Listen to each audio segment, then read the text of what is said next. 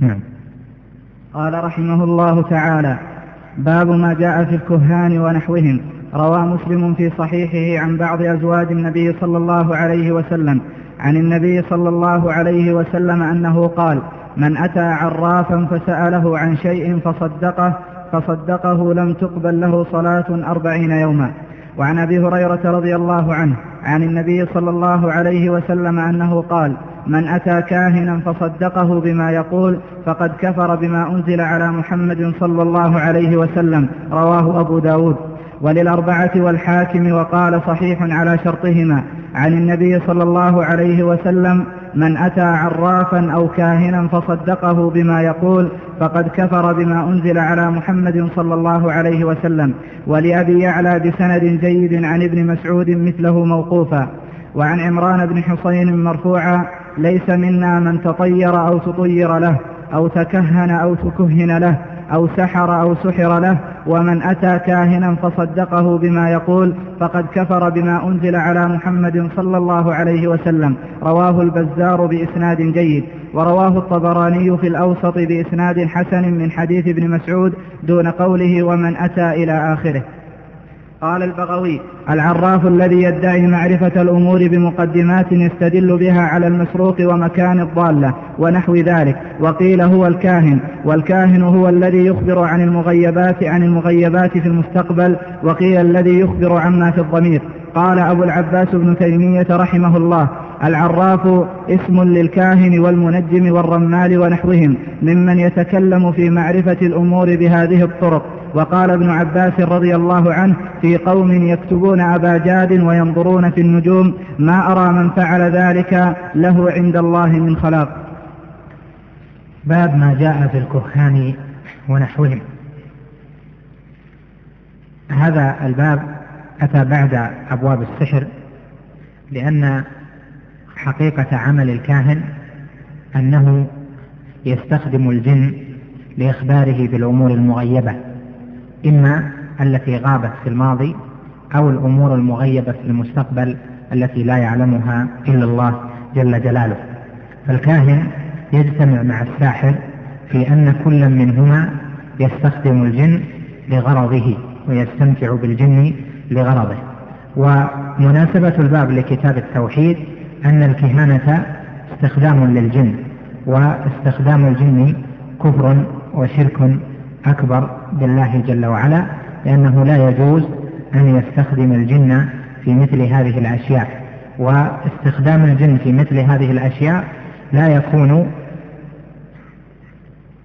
إلا بأن يتقرب إلى الجن بشيء من العبادات. فالكهان لا بد حتى يخدموا بذكر الأمور المغيبة لهم أن يتقربوا إلى الجن ببعض العبادات إما بالذبح أو الاستغاثة أو بالكفر بالله جل وعلا بإهانة المصحف أو بسب الله أو نحو ذلك من الأعمال الشركية الكفرية. فالكهانة صنعة مضادة لأصل التوحيد والكاهن مشرك بالله جل وعلا لأنه يستخدم الجن ويتقرب إلى الجن بالعبادات حتى تخدمه الجن وهذا غير ممكن إلا لمن حتى تخبره الجن بالمغيبات هذا لا يمكن إلا بأن يتقرب إلى الجن بأنواع العبادات. وأصل الكهان في الجاهلية كانوا كما مر معنا في حديث جابر في باب سبق أن الكهان كانت منتشرة في بلاد العرب في الجزيرة وفي غيرها. والكهان أناس يدعى فيهم الولاية والصلاح عندهم وأن عندهم علم ما سيكون في المستقبل أو عندهم علم المغيبات التي ستحدث للناس أو تحدث في الأرض. ولهذا كانت العرب تعظم الكهان وكانت تخاف من الكهان وكانت تعطي الكاهن أجرا عظيما لأجل ما يخبر عنه. والكاهن كما ذكرنا لا يصل إلى حقيقة عمله بأن يخبر عن الأمور المغيبة إلا باستخدام الجن والتقرب إلى الجن التقربات الشركية فتستمتع الجن به من جهة ما صرف لها من العبادة ويستمتع هو بالجن من جهة ما يخبره به الجن من الأمور المغيبة. والجن تصل إلى الأمور المغيبة التي تصدق فيها عن طريق استراق السمع. فإن بعضهم يركب بعضا حتى يسمعوا الوحي الذي يوحيه الله جل وعلا في السماء. فربما أدرك الشهاب الجني قبل أن يلقي الكلمة لمن تحته وربما أدرك الشهاب الجني بعد أن ألقى الكلمة فتأتي هذه الكلمة للجن فيعطونها الكهان فيكذب معها الكاهن أو تكذب معها الجن مئة كذبة حتى يعظم شأن الكهان وحتى تعظم عبادة الإنس. للجن. وقبل بعثة النبي عليه الصلاة والسلام كان اختراق السمع كثيرا جدا. وبعد بعثته عليه الصلاة والسلام حرفت السماء من أن تسترق الجن السمع لأجل تنزل القرآن والوحي حتى لا يقع الاشتباه في أصل الوحي والنبوة. وبعد وفاة النبي عليه الصلاة والسلام يقع الافتراق ولكنه قليل بالنسبة لما كان عليه قبل البعثة. فصارت عندنا أحوال افتراق السمع ثلاثة قبل البعثة كثير جدا وبعد بعثة النبي عليه الصلاة والسلام لم يحصل افتراق من الجن وإن حصل فهو نادر في غير وحي الله جل وعلا بكتابه لنبيه. والحالة الثالثة بعد وفاته عليه الصلاة والسلام رجع استراق السمع أيضا ولكنه ليس بالكثرة التي كانت قبل ذلك لأن السماء ملئت حرسا شديدا وشهبا. والله جل وعلا بين ذلك في القرآن في آيات كثيرة من أن النجوم والشهب ترمي الجن كما قال جل وعلا إلا من استرق السمع فأتبعه شهاب مبين. ونحو ذلك من الآيات التي فيها أن الشهب مرصدة للجن. تبينت لك حقيقة الكاهن إذا ظهر ذلك فالكاهن قد يطلق عليه العراف. وهذا الاسم الكاهن أو العراف اسمان متداخلان. قد يكون أحدهما يدل على الآخر. وعند بعض الناس أو في بعض الفئات يستخدم الكاهن للإخبار في للإخبار بما يحصل في المستقبل. ويستخدم كلمة أو لفظ العراف لمن يخبر عن الغائب عن الأعين مما حصل في الماضي من مثل مكان المسروق أو السارق من هو ونحو ذلك مما هو غائب عن الأنظار وإنما يعلمه العراف بواسطة الجن. والصحيح في ذلك ما ذكره شيخ الإسلام ابن تيمية أن العراف اسم للكاهن والمنجم والرمال ونحوهم ممن يتكلمون في معرفة الأمور بتلك الطرق. من تكلم في معرفة الأمور المغيبة إما الماضية أو المستقبلة بتلك الطرق طريق التنجيم أو طريق الخط في الرمل أو طريق الطرق على الحصى أو في طريق أو الخط في الرمل بطريق الطرق أو بالودع أو نحو ذلك من الأساليب أو بالخشبة المكتوب عليها باجات ونحو ذلك من قراءة الفنجان أو قراءة الكف. كل من يخبر عن الأمور المغيبة بشيء يجعله وسيلة لمعرفة الأمور المغيبة يسمى كاهنا ويسمى عرافا لأنه لا يحصل له أمره إلا بنوع من أنواع الكهانة وسيأتي ذلك إن شاء الله.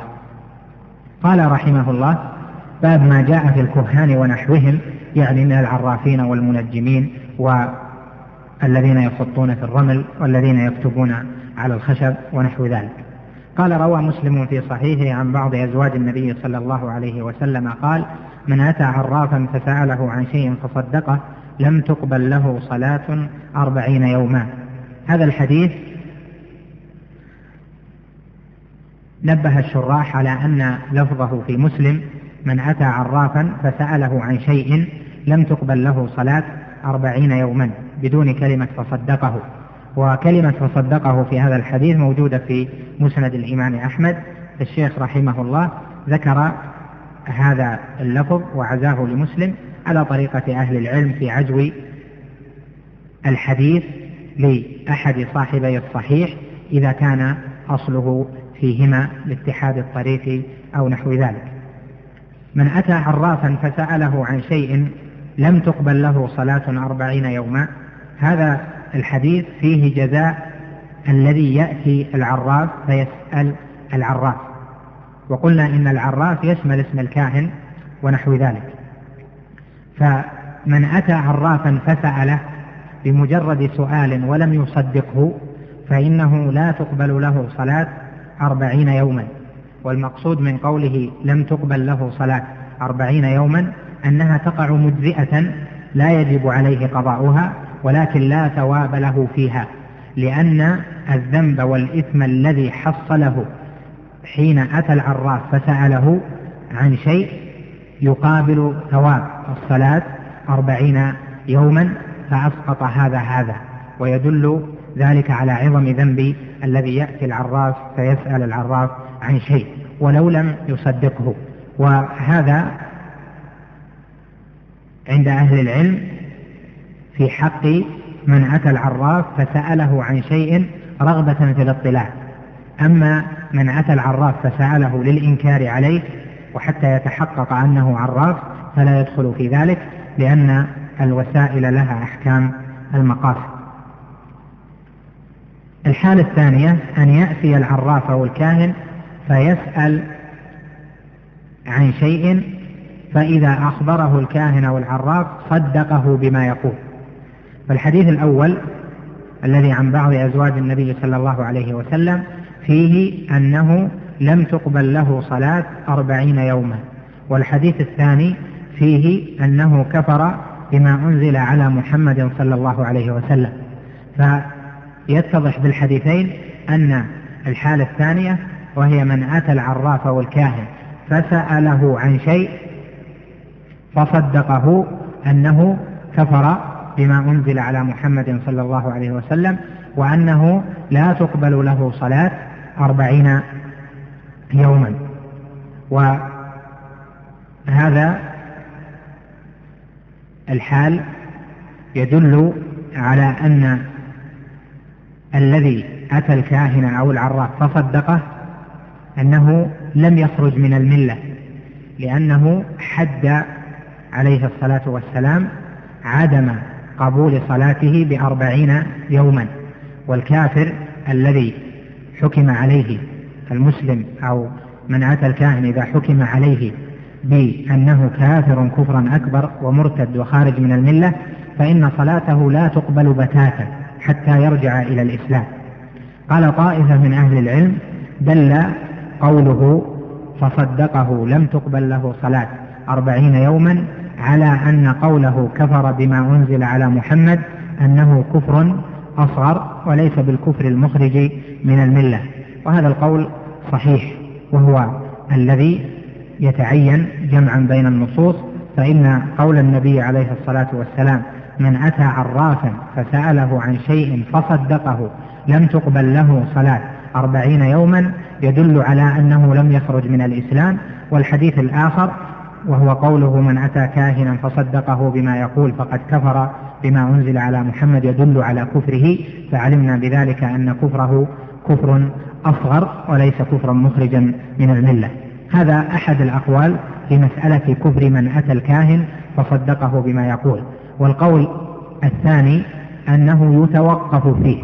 فلا يقال يكفر كفر أكبر ولا يقال أصغر وإنما يقال هو كفر اتيان الكاهن وتصديقه كفر بالله جل وعلا ويسكت عن ذلك ويطلق القول كما جاء في الأحاديث. وهذا لأجل التهديد والتخويف حتى لا يتجاسر الناس على هذا الأمر. وهذا هو مذهب الإمام أحمد في المنصوص عنه. والقول الثالث من أقوال أهل العلم في ذلك أن الذي يصدق الكاهن كافر كفرا أكبر. كفره مخرج من الملة. إذا أتى الكاهن فسأله فصدقه أو صدق الكهان بما يقولون قال طائفة من أهل العلم كفره كفر مخرج من الملة. وهذا القول فيه نظر من جهتين. الجهة الأولى ما ذكرنا من الدليل من أن قوله عليه الصلاة والسلام لم تقبل له صلاة أربعين يوما يدل على أنه لم يكفر الكفر الأكبر ولو كان كفر الكفر الأكبر لم يحد عدم قبول صلاته بتلك المدة من الأيام. والثاني أن تصديق الكاهن فيه شبهة. وادعاء علم الغيب أو تصديق أحد ممن يدعي علم الغيب كفر بالله جل وعلا كفر أكبر.